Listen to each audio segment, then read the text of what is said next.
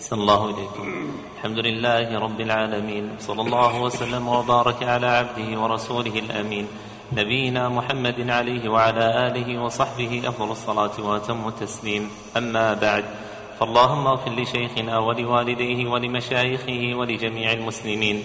قال العلامة عبد الرحمن بن ناصر السعدي رحمه الله تعالى في مصنفه منهج السالكين كتاب الصيام. الأصل فيه قوله تعالى يا أيها الذين آمنوا كتب عليكم الصيام كما كتب على الذين من قبلكم الآيات ويجب صيام رمضان على كل مسلم بالغ عاقل قادر على الصوم برؤيته أو إكمال شعبان ثلاثين يوما. قال صلى الله عليه وسلم إذا رأيتموه فصوموا وإذا رأيتم قادر على الصوم؟ أحسن الله إليكم. ويجب صيام رمضان على كل مسلم بالغ عاقل قادر على الصوم برؤيته أو إكمال شعبان. برؤية هلاله. صحوها. هكذا في نسخة تلميذه البسام وهي أوفق. برؤية هلاله. نعم. أحسن الله عليك برؤية هلاله أو إكمال شعبان ثلاثين يوما. قال صلى الله عليه وسلم إذا رأيتموه فصوموا وإذا رأيتموه فأفطروا. فإن غم عليكم فاقدروا له متفق عليه. وفي لفظ فاقدروا له ثلاثين وفي لفظ فأكملوا عدة شعبان ثلاثين رواه البخاري. ويصام برؤية عدل ولا يقبل في بقية الشهور إلا عدلان. ويجب تبية النية لصيام الفرض وأما النفل فيجوز بنية من النهار. والمريض الذي يتضرر بالصوم والمسافر لهما الفطر والصيام.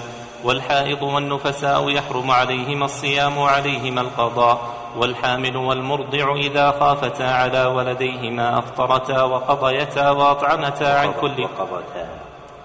خطأ طباعي. وقضتا. والحامل والمرضع إذا خافتا على ولديهما أفطرتا وقضتا وأطعمتا عن كل يوم مسكينا. والعاجز عن الصوم لكبر أو مرض لا يرجى برؤه فإنه يطعم, فإنه يطعم عن كل يوم مسكينا. ومن أفطر فعليه القضاء فقط. إذا كان فطره بأكل أو شرب أو قي عمدا أو حجامة أو إمناء بمباشرة. إلا من أفطر بجماع فإنه يقضي ويعتق رقبة. فإن لم يجد فيصوم شهرين متتابعين. فإن لم يستطع فإطعام ستين مسكينا. وقال النبي صلى الله عليه وسلم من نسي وهو صائم فأكل أو شرب فليتم صومه فإنما أطعمه الله وسقاه. متفق عليه. وقال صلى الله عليه وسلم لا يزال الناس بخير ما عجلوا الفطر. متفق عليه. وقال صلى الله عليه وسلم تسحروا فإن في السحور بركة. متفق عليه. وقال صلى الله عليه وسلم إذا أفطر أحدكم فليفطر على تمر فإن لم يجد فليفطر على ماء فإنه طهور. رواه الخمسة. وقال صلى الله عليه وسلم من لم يدع قول الزور والعمل به والجهل فليس لله حاجة في أن يدع طعامه وشرابه. رواه البخاري. وقال صلى الله عليه وسلم من مات وعليه صيام صام عنه وليه متفق عليه. وسئل عن صوم يوم عرفة فقال يكفر السنة الماضية والباقية. وسئل عن صيام عاشوراء فقال يكفر السنة الماضية. وسئل عن صوم يوم الاثنين فقال ذاك يوم ولدت ذاك يوم ولدت فيه وبعثت فيه أو قال أنزل علي فيه. رواه مسلم. وقال صلى الله عليه وسلم من صام رمضان ثم أتبعه ستا من شوال كان كصيام الدهر. رواه مسلم. وقال أبو ذر رضي الله عنه أمرنا رسول الله صلى الله عليه وسلم أن نصوم من الشهر ثلاثة أيام ثلاث عشرة وأربع عشرة وخمس عشرة رواه النسائي والترمذي. ونهى عن صيام يومين يوم الفطر ويوم النحر متفق عليه. وقال صلى الله عليه وسلم أيام التشريق أيام أكل وشرب وذكر لله عز وجل رواه مسلم. وقال صلى الله عليه وسلم لا يصومن أحدكم يوم الجمعة إلا أن يصوم يوما قبله أو يوما بعده. متفق عليه. وقال صلى الله عليه وسلم من صام رمضان ايمانا واحتسابا غفر له ما تقدم من ذنبه ومن قام رمضان إيمانا واحتسابا غفر له ما تقدم من ذنبه ومن قام ليلة القدر إيمانا واحتسابا غفر له ما تقدم من ذنبه. متفق عليه. وكان يعتكف العشر الأواخر من رمضان حتى توفاه الله واعتكف من بعده أزواجه. متفق عليه. وقال صلى الله عليه وسلم لا تشد الرحال إلا إلى ثلاثة مساجد المسجد الحرام ومسجدي هذا والمسجد الأقصى. متفق عليه. لما فرغ المصنف من بيان أحكام الزكاة المذكورة في كتاب الزكاة أتبعها ببيان أحكام الصيام استكمالا للأسباع المتقدم ذكرها في ربع العبادات ومتابعة لأركان الإسلام العملية الأربعة بعضها ببعض إذ لم يبقى بعد هذا منها سوى كتاب الحج. والصيام شرعا إمساك بنية. عن أشياء معلومة. من عبد معلوم في وقت معلوم. إمساك بنية عن أشياء معلومة. من عبد معلوم في وقت معلوم. فهو يجمع خمسة أمور. أولها أنه إمساك. أي امتناع وكف. أي امتناع وكف. فهو من باب الترك لا من باب الفعل. فهو من باب الترك لا من باب الفعل. والثاني أن هذا الامتناع مقرون بنية تميزه عن غيره. أن هذا الامتناع مقرون بنية تميزه عن غيره فإن العبد قد يمسك عما يمسك عنه لغير نية عبادة. فيمتاز الصيام عن سائر أنواع الإمساك تطببا أو تخففا أو عادة أو غير ذلك بكونه بنية التقرب إلى الله سبحانه وتعالى. وثالثها أن هذا الإمساك الكائن بنية يتعلق بأشياء مخصوصة لاشياء معلومة هي التي يذكرها الفقهاء باسم مفسدات الصيام. هي التي يذكرها الفقهاء باسم مفسدات الصيام وتسمى أيضا المفطرات. ورابعها أن هذا الإمساك الكائن بنية عن أشياء معلومة يتعلق حكمه بعبد ذي صفة معلومة بعبد ذي صفة معلومة.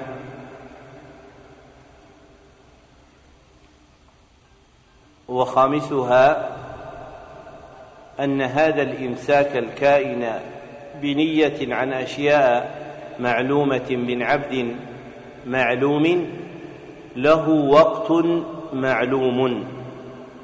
هو وقت الصيام من طلوع الفجر الثاني إلى غروب الشمس.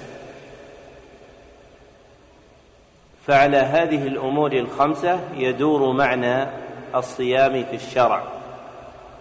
وابتدأ المصنف أحكام هذا الكتاب بذكر الأصل فيه أي معتمد وجوبه من الأدلة. فقال الأصل فيه قوله تعالى يا أيها الذين آمنوا كتب عليكم الصيام كما كتب على الذين من قبلكم. الآيات من سورة البقرة. فإن تلك الآيات وأولها قوله تعالى يا أيها الذين آمنوا كتب عليكم الصيام جاءت متتابعة نسقا في سورة البقرة. مشتملة على بيان أحكام الصيام ومفتتحها بيان أمرين في الآية المذكورة. أحدهما بيان وجوب الصيام لقوله كتب عليكم فاسم الكتابة موضوع شرعا للدلالة على الإيجاب ذكره ابن القيم في بدائع الفوائد وغيره. ولم يقع في هذه الآية تعيين الصيام المكتوب ووقع في الآيات بعده قوله تعالى فمن شهد منكم الشهر فليصم يعني شهر رمضان المذكور في الآية قبلها. فالواجب صيامه على المسلمين هو شهر رمضان. والآخر بيان الحكمة الشرعية في إيجاب الصوم في تمام الآية المذكورة وهي قوله تعالى لعلكم تتقون. فالمقصود من الصيام تحصيل التقوى للخلق فإن الله أمر الخلق بالتقوى وأمرهم بالسبل المؤدية إليها. فقوله تعالى يا أيها الذين آمنوا اتقوا الله وقولوا قولا سديدا أمر بالتقوى. وقوله في هذه الآية يا أيها الذين آمنوا كتب عليكم الصيام حتى قال لعلكم تتقون. فيه بيان سبيل من السبل المؤدية إلى التقوى وهو صيام شهر رمضان. ثم ذكر المصنف من يجب عليه صيام رمضان فقال ويجب صيام رمضان على كل مسلم بالغ عاقل قادر على الصوم. فالذي يجب عليه صيام شهر رمضان هو الموصوف بهذه الصفات الأربع. أولها الإسلام وهو المذكور في قوله مسلم فلا يجب على كافر. وثانيها البلوغ المذكور في قوله بالغ فلا يجب على من لم يبلغ. ويؤمر به مميز ليعتاده. فيؤمر ولي الصبيان الصغار المميزين أن يأمرهم بالصيام ليعتادوه ويضربهم على ذلك تأديبا لهم. وثالثها العقل المذكور في قوله عاقل فلا يجب على مجنون. ورابعها القدرة المذكور في قوله قادر على الصوم فلا يجب على عاجز عنه لكبر أو مرض. والشرطان الثاني والثالث يذكران اختصارا كما تقدم بوصف التكليف فيقال الصيام واجب على المسلم المكلف القادر على الصوم. ويذكر الفقهاء في تتميم هذه الجملة قولهم غير حائض ولا نفساء أي فلا يجب على المرأة إذا كانت حائضا أو نفساء حال قيام العارض المذكور بها. فإذا طهرت وجب عليها القضاء كما سيأتي.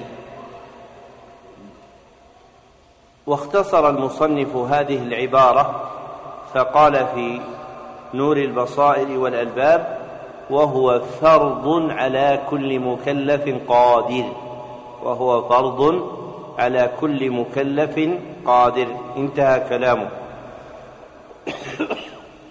وزاد هناك تعيين وقت الصيام وهو مما تشتد الحاجة إليه في أحكام هذا الكتاب. فقال ويجب الإمساك عن المفطرات من طلوع الفجر الثاني إلى غروب الشمس. ويجب الإمساك عن المفطرات من طلوع الفجر الثاني إلى غروب الشمس. انتهى كلامه. ثم ذكر المصنف ما يثبت به الوجوب وهو المذكور في قوله برؤية هلاله أو إكمال شعبان ثلاثين يوما.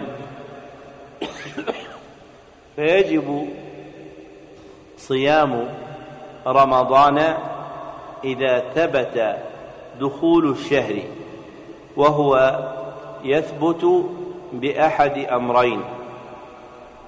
الأول رؤية هلاله.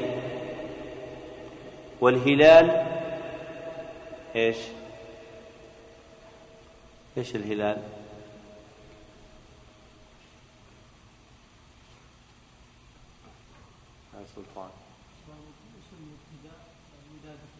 اسم للقمر عند ابتداء طلوعه في أول الشهر. اسم للقمر عند ابتداء طلوعه في أول الشهر. فإذا رؤي القمر مستهلا ببزوغ الهلال المبتدئ الشهر ثبت دخول شهر رمضان ووجب صومه. والآخر إكمال شعبان ثلاثين يوما. وشعبان اسم الشهر المتقدم على رمضان. وعدة الشهر في الشرع كم؟ محمد؟ وعدة الشهر في الشرع تسعة وعشرون يوما أو ثلاثون يوما. تسعة وعشرون يوما أو ثلاثون يوما. فإما أن يتم تسعة وعشرين يوما ثم يرى الهلال فيصوم الناس وإما أن لا يرى الهلال فيتم الناس الشهر ثلاثين يوما على كماله ثم يصومون رمضان بعده. وذكر المصنف دليلا دالا على صحة التقرير المتقدم. فقال قال صلى الله عليه وسلم إذا رأيتموه فصوموا وإذا رأيتموه فأفطروا. فإن غم عليكم فاقدروا له متفق عليه. وفي لفظ فاقدروا له ثلاثين وفي لفظ فأكملوا عدة شعبان ثلاثين رواه البخاري. وعبارته توهم أن اللفظين المذكورين عند البخاري وليس الأمر كذلك.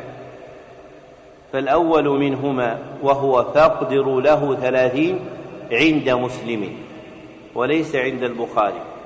واللفظ الثاني فأكملوا عدة شعبان ثلاثين هو عند البخاري وحده. فأصل الحديث متفق عليه في الرواية المذكورة أولا. عند البخاري ومسلم من حديث ابن عمر رضي الله عنهما. ثم الروايتان بعده إحداهما لمسلم وهي الأولى والأخرى للبخاري وهي الثانية. وفي قوله صلى الله عليه وسلم إذا رأيتموه فصوموا. إيجاب صيام شهر رمضان إذا رؤي هلاله وفي قوله صلى الله عليه وسلم في الروايتين الأخريين فاقدروا له ثلاثين. وفي لفظ فأكملوا عدة شعبان ثلاثين إيجاب صيام شهر رمضان بإكمال شعبان ثلاثين يوما. وقوله في الحديث فاقدروا له بضم الدال وكسرها. وللحنابلة في معنى هذا الحديث مسلكان. أحدهما أن معنى قوله صلى الله عليه وسلم فاقدروا له أي ضيقوا له بأن تكون عدته تسعة وعشرين يوما.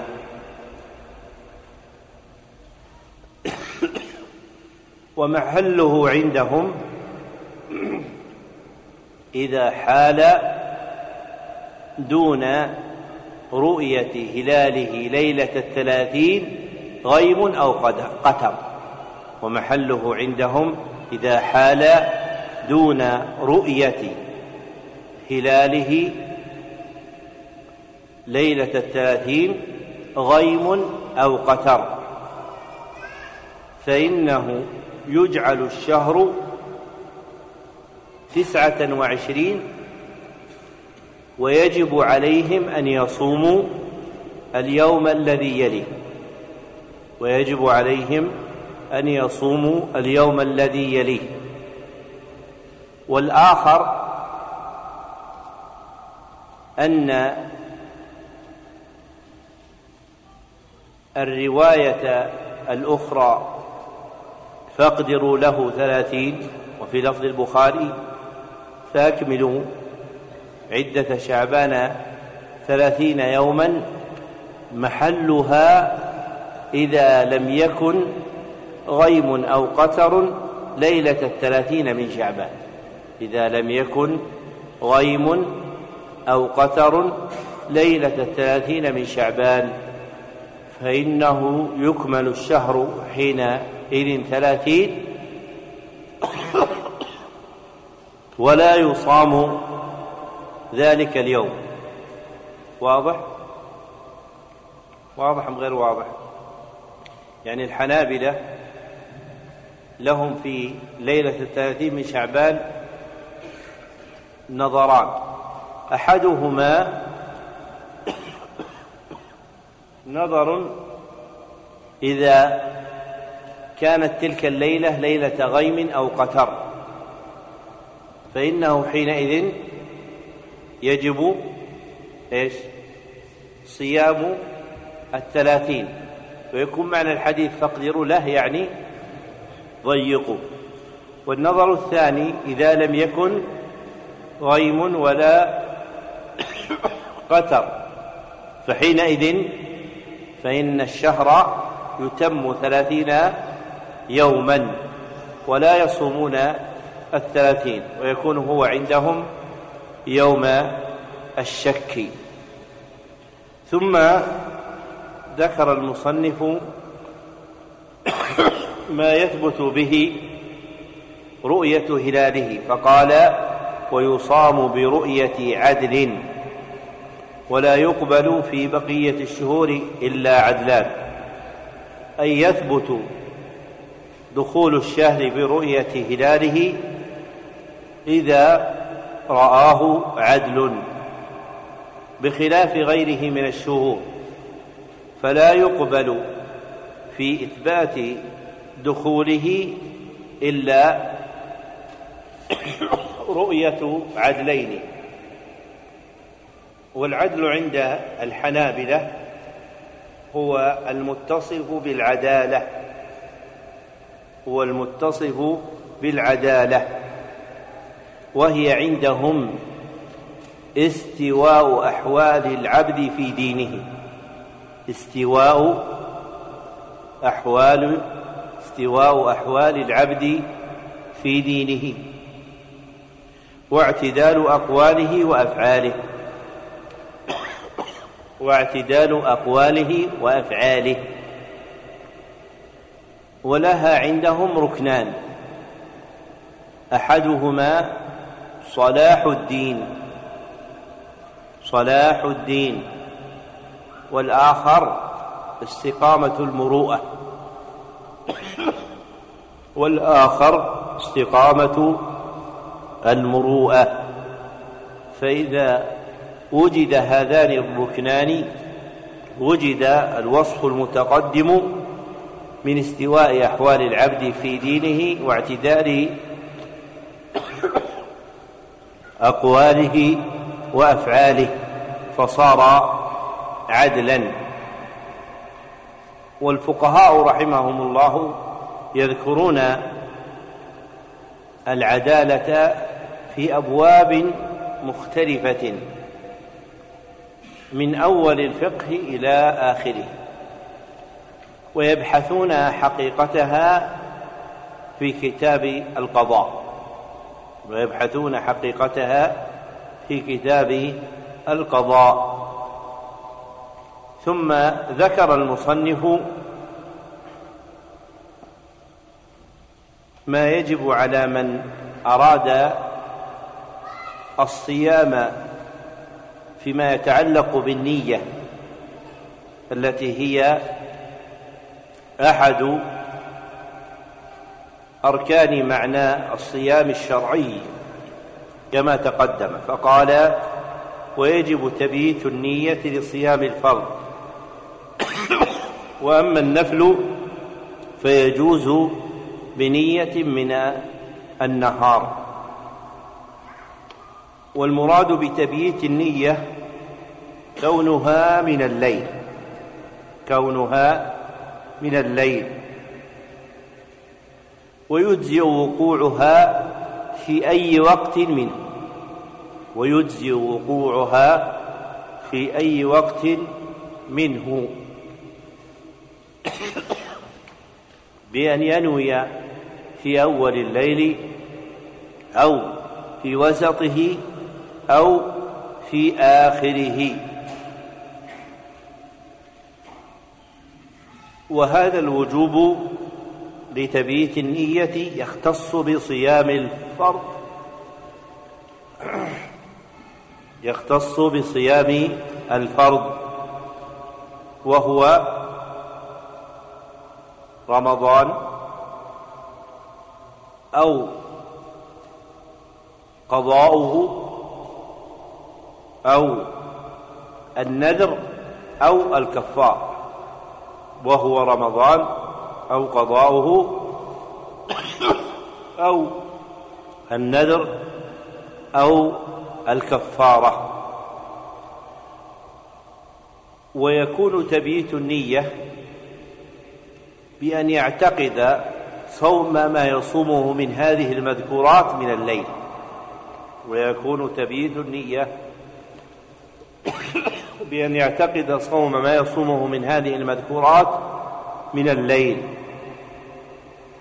ويكفي في ذلك أكل وشرب ليلا لأجل الصيام. ويكفي في ذلك أكل وشرب ليلا لأجل الصيام. فإنه يدل على النية. فإنه يدل على النية. وأما صيام النفل فإنه يجوز بنية من النهار. فإنه يجوز بنية من النهار. ويصح صومه ما لم يأت بما ينافيه ويصح صومه ما لم يأت بما ينافيه. بعد طلوع الفجر الثاني. فلو أن أحدا لم يتناول شيئا من المفطرات بعد طلوع الفجر الثاني ثم نوى قبل الزوال أو بعده أن يصوم ذلك اليوم نفلا صح صيامه. ثم ذكر المصنف سبعة تتعلق بهم أحكام خاصة بالصيام والفطر وهم المريض والمسافر والحائض والنفساء والحامل والمرضع والعاجز. فأما الأولان فذكرهما في قوله والمريض الذي يتضرر بالصوم والمسافر لهما الفطر والصيام. ومعنى قوله لهما أي لا يجب عليهما الصيام. أي لا يجب عليهما الصيام.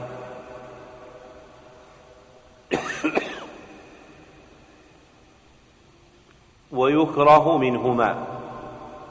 ويكره منهما. وتضرر المريض بالصوم تارة يكون بازدياد مرضه وتارة يكون بتأخر برؤه تارة تارة تارة يكون بازدياد مرضه وتارة يكون بتأخر برؤه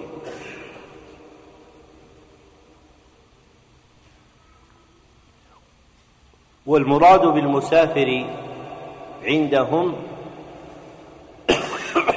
المسافر مسافة قصر. المراد بالمسافر عندهم المسافر مسافة قصر. فإنه هو الذي تتعلق به الأحكام الشرعية. فإذا أطلق ذكره فهو المراد.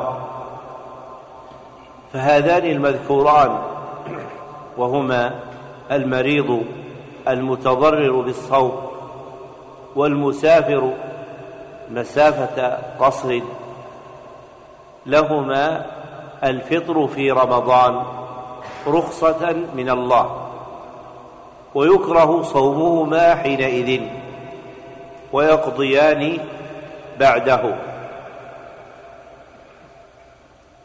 والثاني والثالث, والثالث هو الرابع وهما الحائض والنفساء هما المذكوران في قوله والحائض والنفساء يحرم عليهما الصيام وعليهما القضاء. فإذا كانت المرأة حائضا أو نفساء حرم عليهما صيام شهر رمضان فلا يجب عليهما ولا يصح منهما. وإذا انقضى الشهر وطهرتا فإنهما يقضيان.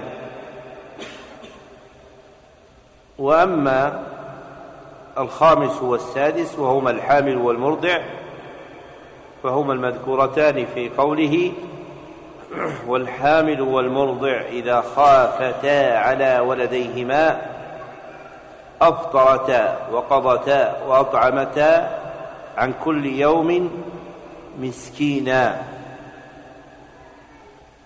فإذا كانت المرأة حاملا أو قد وضعت ولدها وهي ترضعه فإنها إذا خافت على الولد حال كونه جنينا في حق الحامل وصغيرا في حق المرضع فإنه يتعلق بهما ثلاثة أحكام. الأول جواز الفطر فيجوز لهما أن يفطرا في رمضان. والحكم الثاني وجوب القضاء بأن يجب بأن يجب عليهما قضاء عدة ذلك من أيام أخرى بعد رمضان. والحكم الثالث أن يطعما عن كل يوم مسكينا. أن يطعم عن كل يوم مسكينا. وإذا أطلق إطعام المسكين فتقديره عند الحنابلة ما يجزئ في كفارة وإذا أطلق الإطعام فتقديره عند الحنابلة ما يجزئ في كفارة. وهو مد بر أو نصف صاع من غيره. وهو مد بر أو نصف صاع من غيره. كتمر أو زبيب أو أقط أو شعير. وهذه الأحكام الثلاثة التي تكون للحامل والمرضع تتعلقان بخوفهما على ولدهما ولو خافتا على نفسهما معا. أما إن خافتا على نفسهما فقط فإنهما يفطران ويقضيان. أما إذا خافتا على نفسهما فقط فإنهما يفطران ويقضيان. وأهمل المصنف ذكر هذا. لماذا؟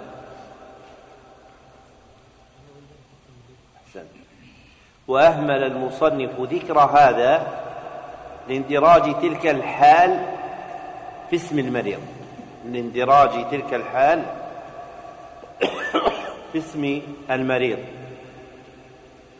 فالحامل والمرضع لهما ثلاث أحوال. فالحامل والمرضع لهما ثلاث أحوال. الحال الأولى أن يخافا على نفسيهما فقط. أن يخافا على نفسيهما فقط. فيفطران ويقضيان. فيفطران ويقضيان. والحال الثانية أن يخافا على ولديهما فقط. أن يخافا على ولديهما فقط. فيفطران ويقضيان ويطعمان. فيفطران ويقضيان ويطعمان. والحال الثالثة أن يخافا على نفسهما وعلى ولديهما. أن يخافا على نفسهما وعلى ولديهما. فإيش؟ فيفطران ويقضيان ويطعمان. فيفطران ويقضيان ويطعمان. وأما السابع فهو المذكور في قوله والعاجز عن الصوم لكبر أو مرض لا يرجى برؤه فإنه يطعم عن كل يوم مسكينا. فإذا عجز العبد رجلا أو امرأة عن الصوم لأجل كبره أو لما اعتراه من مرض لا يرجى برؤه فإنه يفطر ويطعم عن كل يوم مسكينا.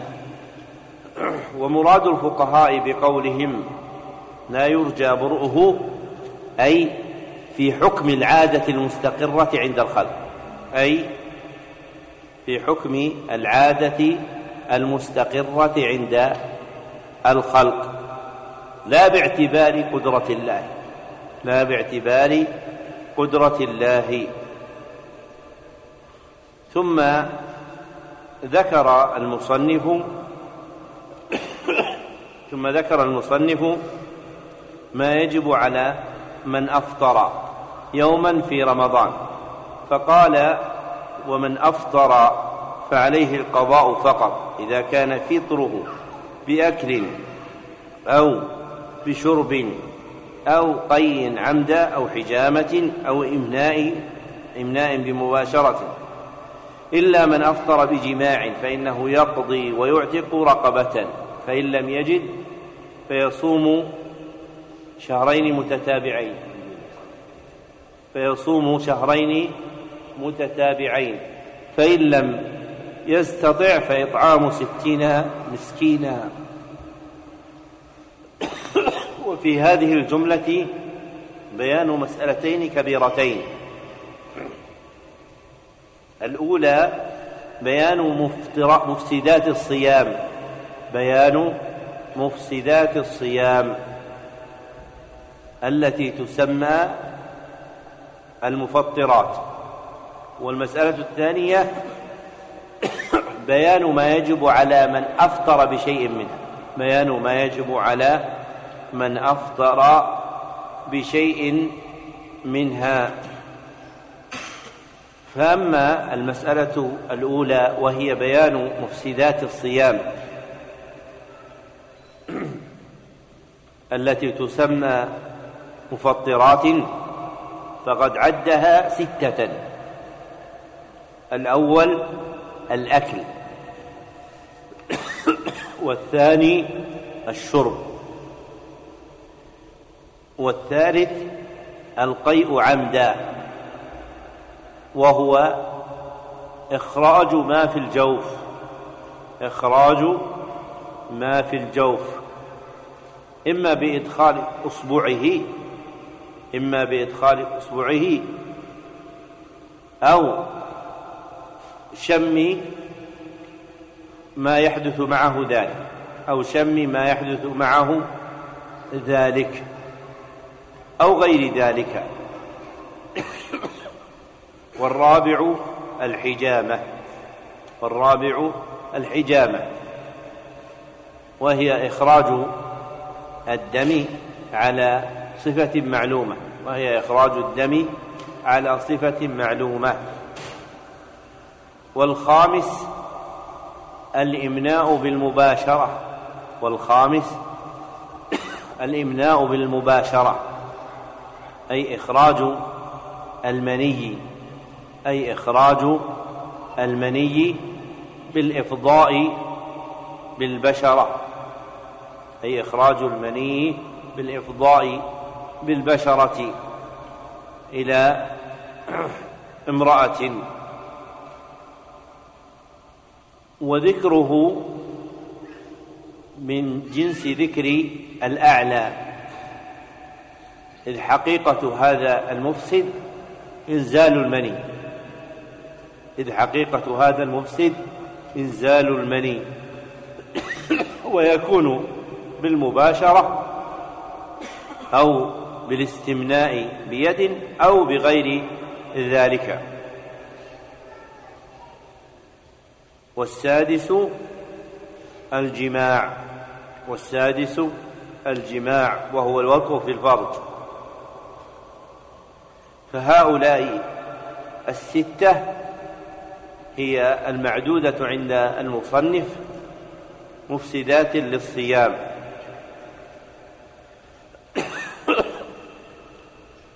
وقد قال في نور البصائر والألباب بعد عدهن بعبارة قريبة من المذكور هنا قال وما سوى ذلك فلا دليل على الفطر به كالاكتحال ونحوه. وما سوى ذلك فلا دليل على الفطر به كالاكتحال ونحوه.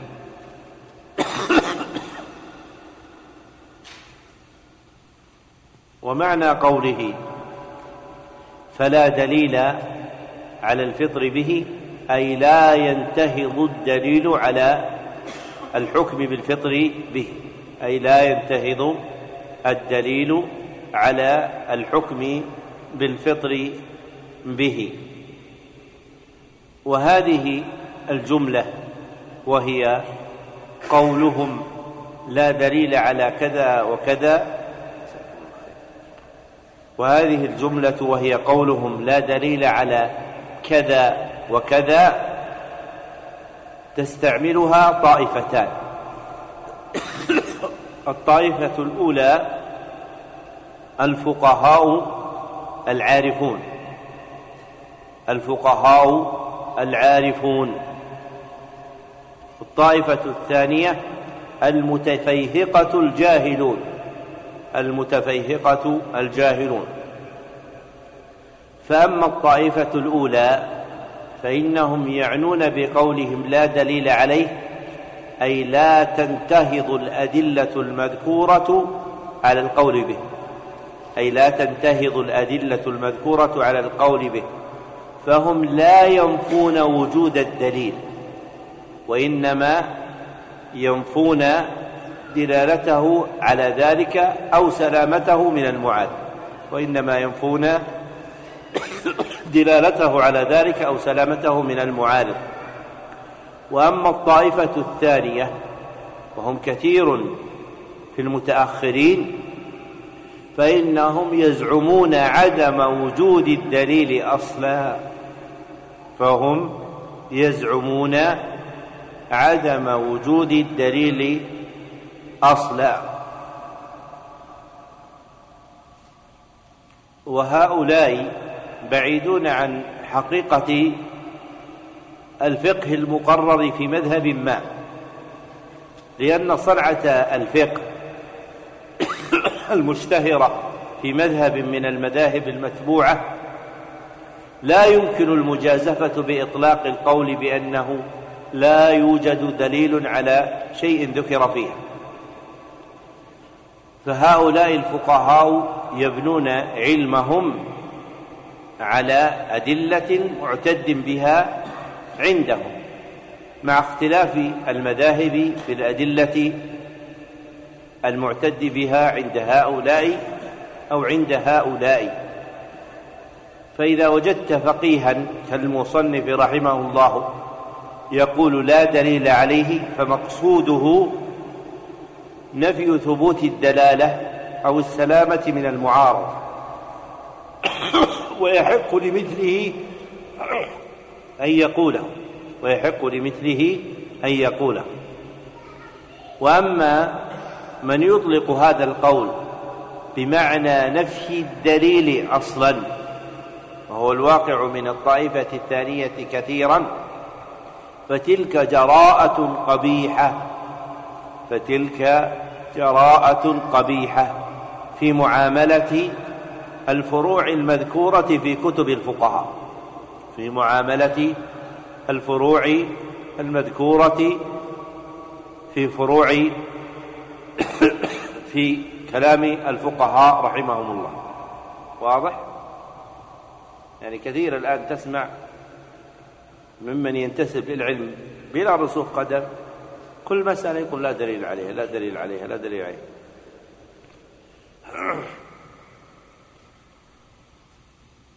بخلاف الراسخ الراسخ المسألة المشهورة عند أهل العلم لا يقوى على أن يقول لا دليل عليها بمعنى نفي الدليل. لابد أنهم يعتمدون دليلا. جهلته أم علمته؟ فلا ينبغي المجازفة بإطلاق ذلك. ثم ما ينبني على المجازفة من الحكم ببدعية شيء. فمثلا الحنابلة يقولون وإذا دخل المسجد نوى الاعتكاف. إذا دخل المسجد نوى الاعتكاف.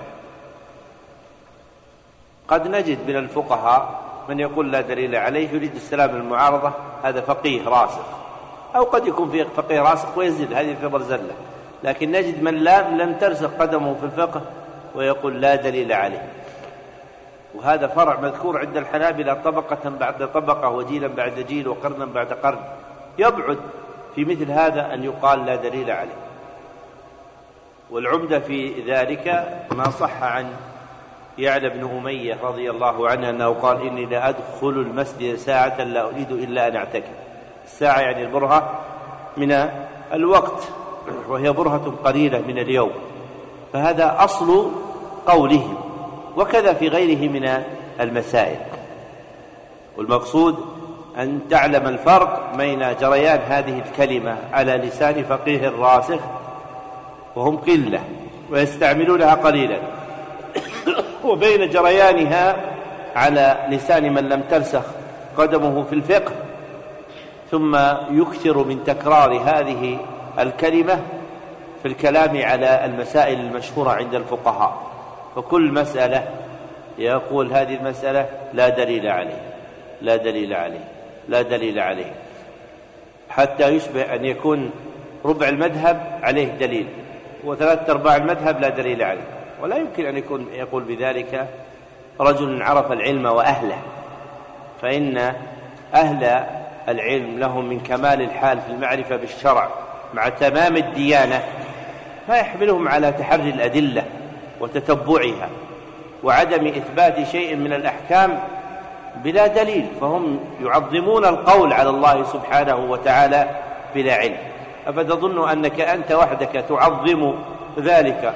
وهم جيلا بعد جيل وطبقة بعد طبقة. لا يرعون هذا ولا يراقبون مقام القول على الله عز وجل في هذه المسألة. والمقصود أن طالب العلم ينبغي له أن يتأنى في توسيع الدعوة بأن هذا لا دليل عليه وأنه لا يتساهل في قبولها إلا من فقيه راسخ.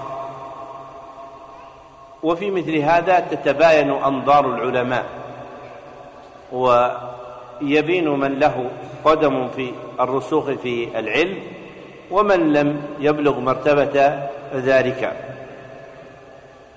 وأما المسألة الثانية وهي بيان ما يجب على من أفطر فالواجب على من أفطر أحد شيئين. الأول قضاء فقط. والآخر قضاء وكفار. الأول قضاء فقط والآخر قضاء وكفارة. ويختص الثاني بمن جامع في نهار رمضان. ويختص الثاني بمن جامع في نهار رمضان. فيكون غيره يجب عليه القضاء فقط. ويكون غيره يجب عليه القضاء فقط. فمن أفطر بغير جماع كمن أكل أو شرب أو استقاء عمدا أو احتجم أو استمنى فأنزل منيا فكل هؤلاء يجب عليهم القضاء فقط. وأما المجامع في نهار رمضان فيجب عليه مع القضاء الكفارة وهي المذكورة في قوله فإنه يقضي ويعتق رقبه فإن لم يجد فيصوم شهرين متتابعين فإن لم يستطع فإطعام ستين مسكينا. فالكفارة الواجبة على المجامع في نهار رمضان مرتبة تدليا بحسب الاستطاعة في طباق ثلاثة. الأول عتق رقبة بإخراجها من قيد الرق إلى الحرية. بإخراجها من قيد الرق إلى الحرية بأن يشتريها فيعتقها. والثاني صيام شهرين متتابعين. إن عجز عن عتق عتق الرقبة إن عجز عن عتق الرقبة فإن لم يجد رقبة يعتقها أو لم يمكنه ذلك فإنه يصوم شهرين متتابعين. والشهر كما تقدم إما أن يكون تسعة وعشرين وإما أن يكون ثلاثين يوما. فإذا صام اسم الشهرين أجزأه ذلك. فلو قدر أن أحدا أراد أن يصوم في كفارته شهر رجب وشعبان فاتفق أن شهر رجب وقع تسعة وعشرين يوما وأن شهر شعبان وقع ثلاثين يوما. أجزأه ذلك. وكذا لو اتفق كونهما تسعة وعشرين يوما فإنه يصدق عليه أنه صام شهرين متتابعين. والثالث إطعام ستين مسكينا. إن لم يقدر على صيام الشهرين المتتابعين فإنه يطعم الستين مسكينا. وقدر الإطعام المذكور هنا كم؟ كم قدر الإطعام المذكور هنا؟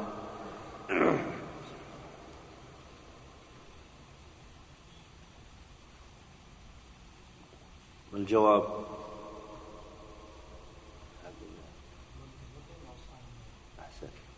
وقدر الإطعام المذكور هنا هو ما تقدم مما يجزئ في كفارة وهو مد بر أو نصف صاع من غيره كزبيب أو آقط أو غيرهما.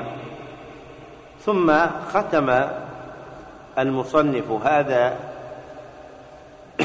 الكتاب بذكر خمسة عشر حديثا نسقا متوالية ولم يتفق له مثل هذا في غير كتاب الصيام.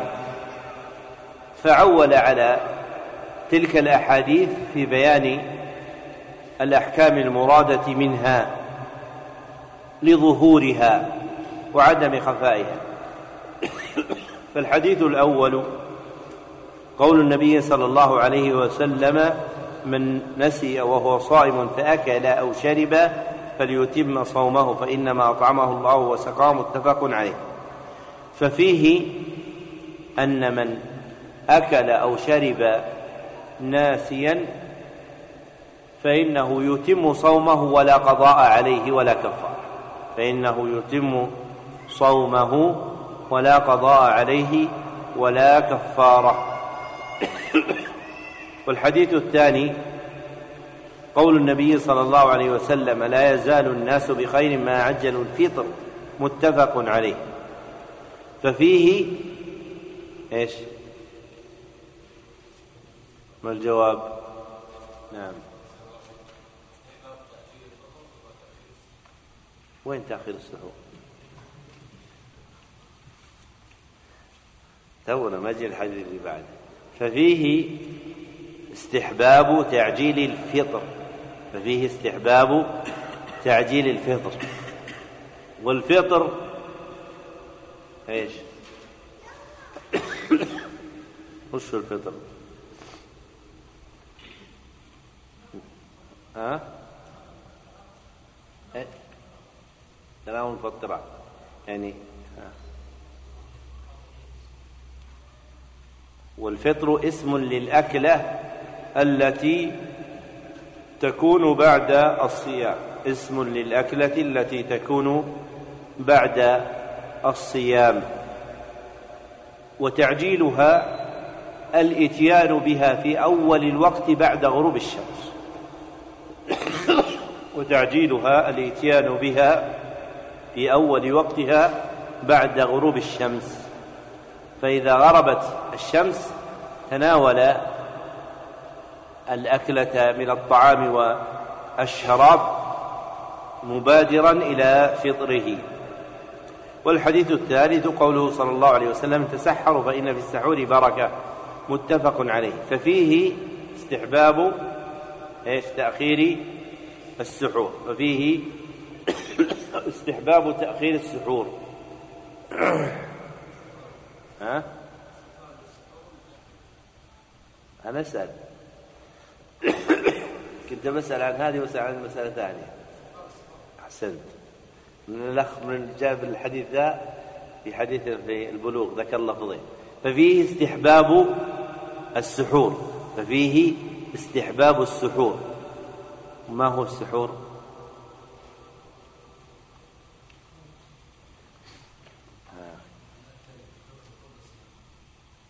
الأكلة؟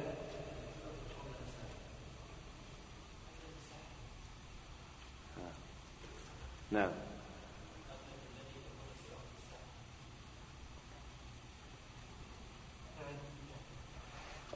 أي أكل طيب؟ طيب ده أفطر مو ياكل؟ شي يميزه عن الفطر.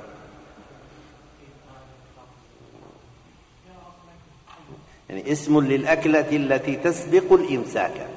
اسم للأكلة التي تسبق الإمساك. ووقتها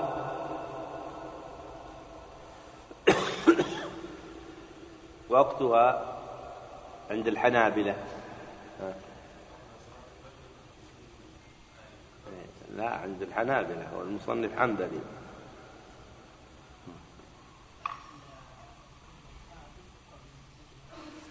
لا.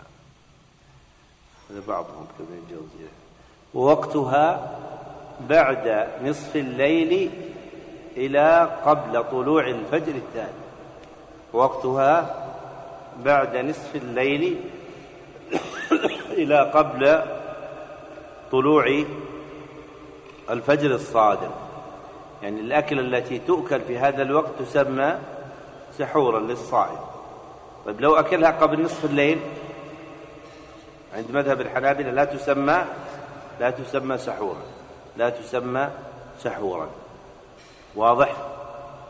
طيب اعتنى الحنابلة وغيرهم هذا مذهب الجمهور المذاهب الأربعة أن وقته من من منتصف الليل نصف الليل إلى ما قبل الفجر. اعتنوا ببيان وقت أكلة السحر اللي هي السحور. لكن لم يعتنوا ببيان وقت أكلة الفطر. لماذا؟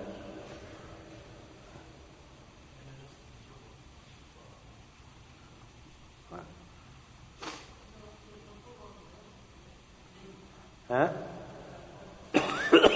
إيش؟ الفطر. والسحور طيب متعلق بالليل بعد.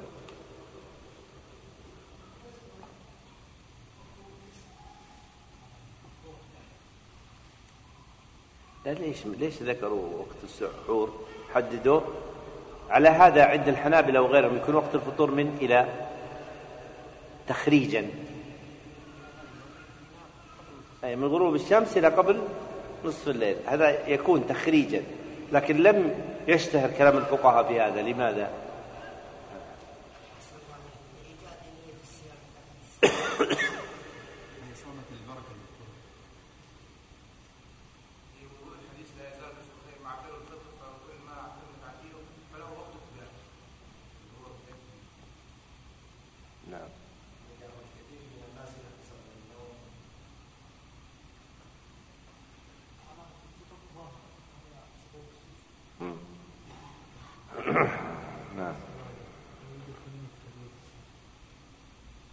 صالح.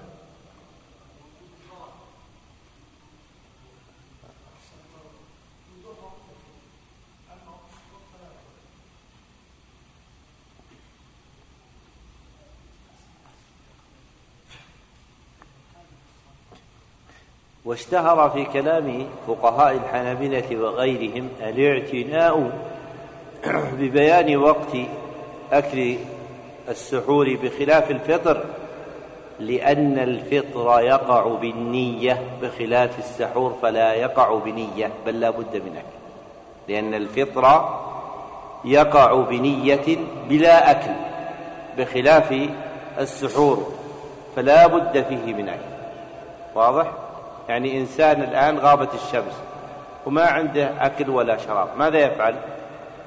ينوي الفطر إذا نوى الفطر صار مفترا طيب لو في إنسان في السحور ما عنده الطعام ينوي السحور يقع منه؟ لا ما يقع منه. السحور لا بد فيه من من الأكلة لا بد فيه من الأكلة. والحديث الرابع حديث إذا أفطر أحدكم فليفطر على تمر فإن لم يجد فليفطر على ماء فإنه طهور رواه الخمسة. وفيه استحباب الفطر على تمر. وفيه استحباب الفطر على تمر فإن لم يجد أفطر على ماء. فإن لم يجد أفطر على ماء. وفصل المصنف هذه المسألة في نور البصائر والألباب فقال ويقدم الفطور على رطب. ويقدم الفطور على رطب. فإن عدم فتمر. فإن عدم فتمر فإن تعذر فماء انتهى كلامه. والرطب اسم لثمرة النخل قبل يبسها. اسم لثمرة النخل قبل يبسها. فإذا يبست فهي تمر. فإذا يبست فهي تمر. والحديث الخامس حديث من لم يدع قول الزور والعمل به والجهل فليس لله حاجة في أن يدع طعامه وشرابه. رواه البخاري. وفيه أنه ينبغي على الصائم أن يصون صومه. وفيه أنه ينبغي على الصائم أن يصون صومه. بحفظه من قول الزور والعمل به والجهل. بحفظه من قول الزور والعمل به والجهل. والزور هو الباطل. والزور هو الباطل.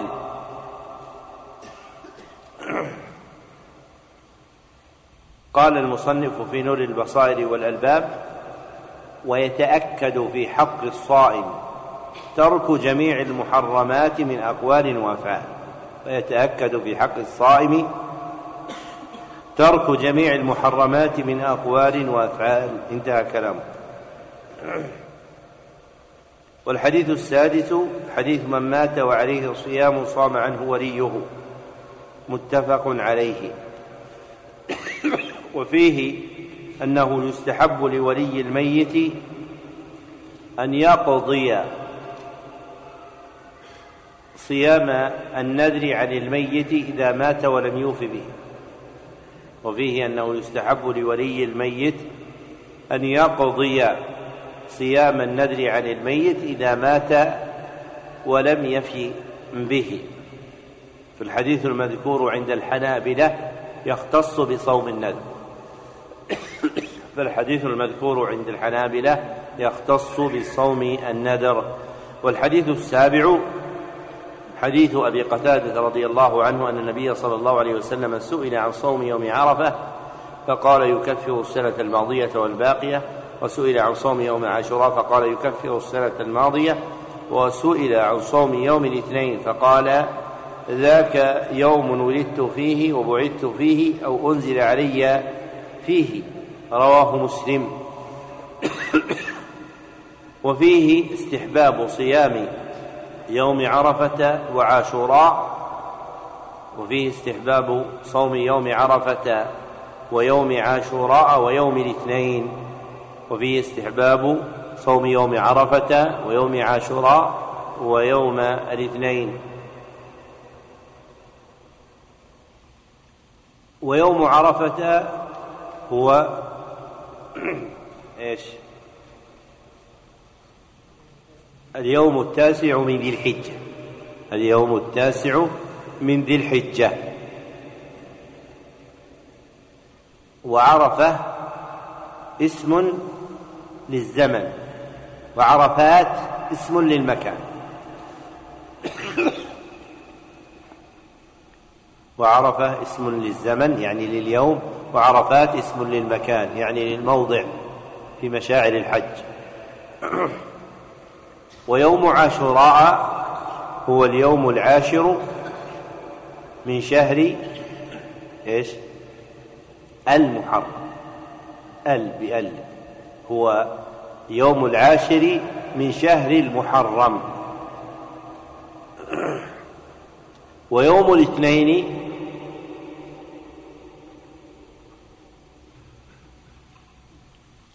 إيش يوم الاثنين؟ ها؟ ها اليوم الثالث. ها أم ثاني.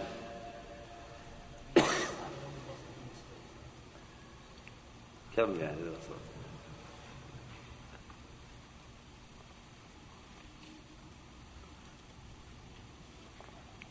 ها. طيب وش هو الأحد؟ حلت على مجهول أنت كذا ها محمد اليوم الثاني من يوم الأسبوع. الثاني ها؟ اللهم صل وسلم هذا ما يفسر هذا فعل فيك لكن إيش؟ الأسبوع متى يبدا؟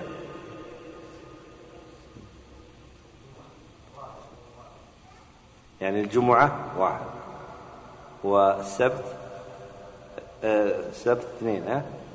والأحد؟ والاثنين أربعة. ها؟ يبدأ الأحد. يعني الحين الأحد الأول أيوه. والاثنين أيوه.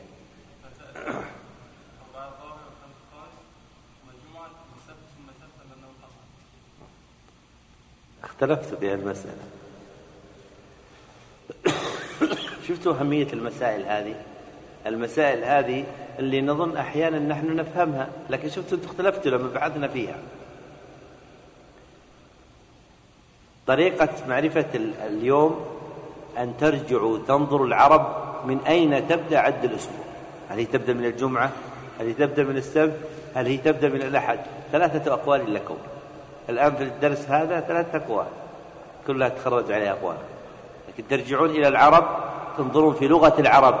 ما هو أول أيام الأسبوع؟ ثم بعد ذلك تبدأون العد. إذا كان أول أيام الأسبوع عندهم الأحد فالاثنين هو الثاني من أيام الأسبوع. إذا كان السبت فهو الثالث إذا كان الجمعة فهو الرابع. فارجعوا إلى هذه المسألة واستفيدوا عد أيام الأسبوع من العرب وتعرفون هذا اليوم. وتستفيدون أيضا الحاجة إلى تدقيق المسائل وفهمها كما ينبغي. كثيرة كتب اللي في اللغة العربية كلها فيها. كفاية المتحفظ مثلا شروحها تجدون فيها المصباح المنير. والحديث الثامن حديث من صام رمضان ثم أتبعه ستة من شوال كان كصيام الدهر رواه مسلم. وفيه استحباب صيام ستة أيام من شوال. وفيه صيام استحباب صيام ستة أيام من شوال واستحباب كونها متتابعة واستحباب كونها متتابعة. والحديث التاسع حديث أبي ذر رضي الله عنه أنه قال أمرنا رسول الله صلى الله عليه وسلم أن نصوم من الشهر ثلاثة أيام. الحديث رواه النسائي والترمذي. وصححه ابن حبان وفيه ضعف وله شاهد من حديث جرير بن عبد الله عند النسائي إسناده قوي وفيه استحباب صيام ثلاثة أيام من الشهر وفيه استحباب صيام ثلاثة أيام من الشهر واستحباب كونها واستحباب كونها أيام البيض واستحباب كونها أيام البيض.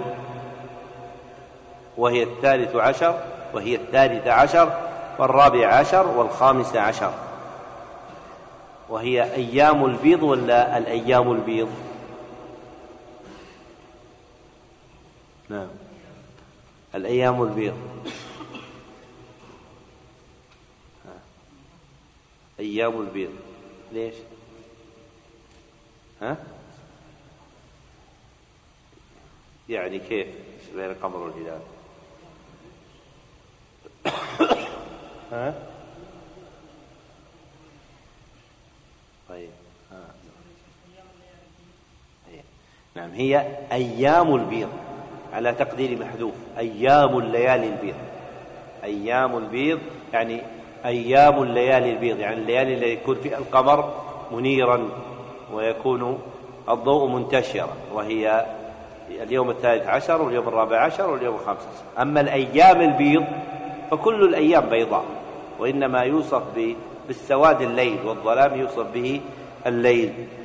والحديث العاشر حديث أنه صلى الله عليه وسلم نهى عن صيام يومين يوم الفطر ويوم النحر متفق عليه.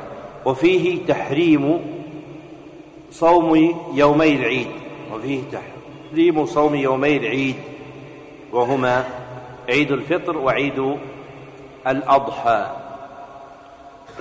وعيد الفطر هو العيد الذي يلي شهر رمضان. وعيد الفطر هو العيد الذي يلي شهر رمضان. وعيد الأضحى هو يوم النحر وهو اليوم العاشر من ذي الحجة. هو يوم النحر وهو اليوم العاشر من ذي الحجة.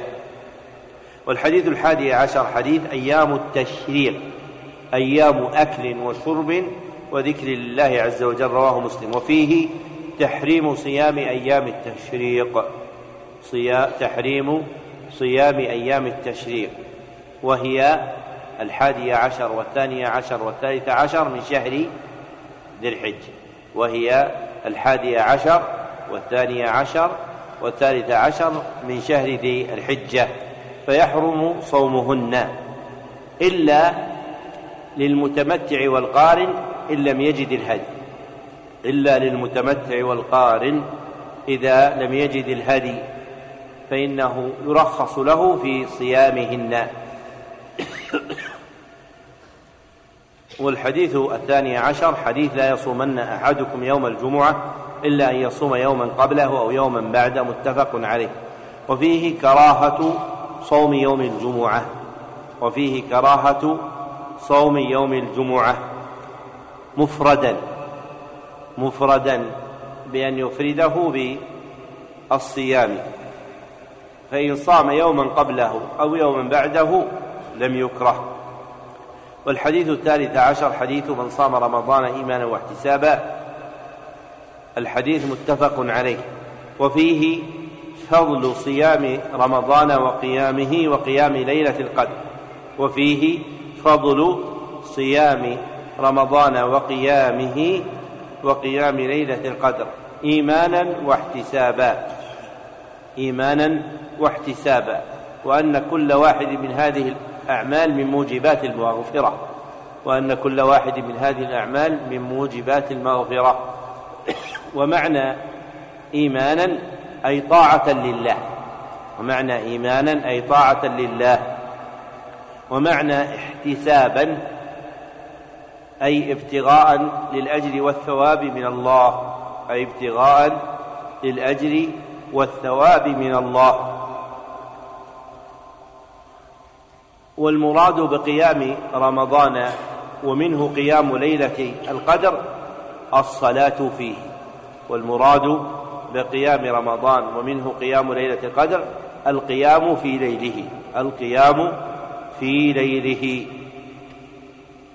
وأعظمه صلاة التراويح وأعظمه صلاة التراويح.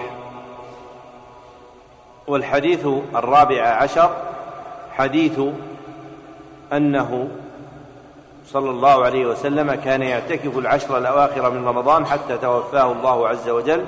واعتكف أزواجه من بعد متفق عليه. وفيه استحباب الاعتكاف. وفيه استحباب الاعتكاف. وآكده في رمضان. وآكده في رمضان. وآكد رمضان العشر الأواخر. وآكد رمضان العشر الأواخر. والاعتكاف شرعا لزوم المسجد من عبد معلوم على وجه معلوم والاعتكاف شرعا. لزوم المسجد من عبد معلوم على وجه معلوم فهو يجمع ثلاثة أمور. أولها لزوم للمسجد أولها لزوم للمسجد أي بقاء فيه أي بقاء ومكث فيه. وثانيها أنه يكون من عبد معلوم أي ذي صفة معلومة. أي ذي صفة معلومة. وثالثها أنه يكون على وجه معلوم. أنه يكون على وجه معلوم أي بشروط مبينة مذكورة عند الفقهاء. والحديث الخامس عشر حديث لا تشد الرحال إلا إلى ثلاثة مساجد المسجد الحرام مسجد هذا والمسجد الأقصى متفق عليه. وفيه أن من نذر الاعتكاف في مسجد سوى الثلاثة سوى المساجد الثلاثة لم يلزم. وفيه أن من نذر الاعتكاف في مسجد سوى المساجد الثلاثة لم يلزمه لأنه يقترن به شد الرحل وشد الرحل لا يكون إلا إليها. وشد الرحل لا يكون إلا إليها. فيجزئه في أي مسجد فيجزئه في أي مسجد. وهذا الحكم شاهد لما تقدم بيانه من من الفرق بين طريقة الفقهاء. في شرح الحديث وبين طريقة المحدثين في ذلك. فإن فقهاء الحنابلة يذكرون هذا الحديث في باب الاعتكاف لأجل المعنى المذكور.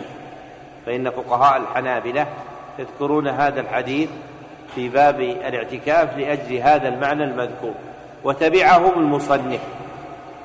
فحينئذ إذا جاء شارح وذكر معنى هذا الحديث في تقرير منع شد الرحال إلى غير المساجد الثلاثة هل هو مراد المصنف؟ الجواب لا. الجواب لا.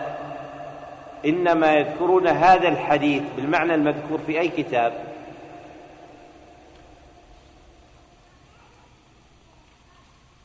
نعم.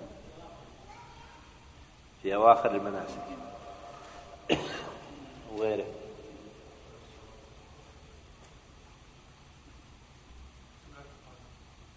لا الفقهاء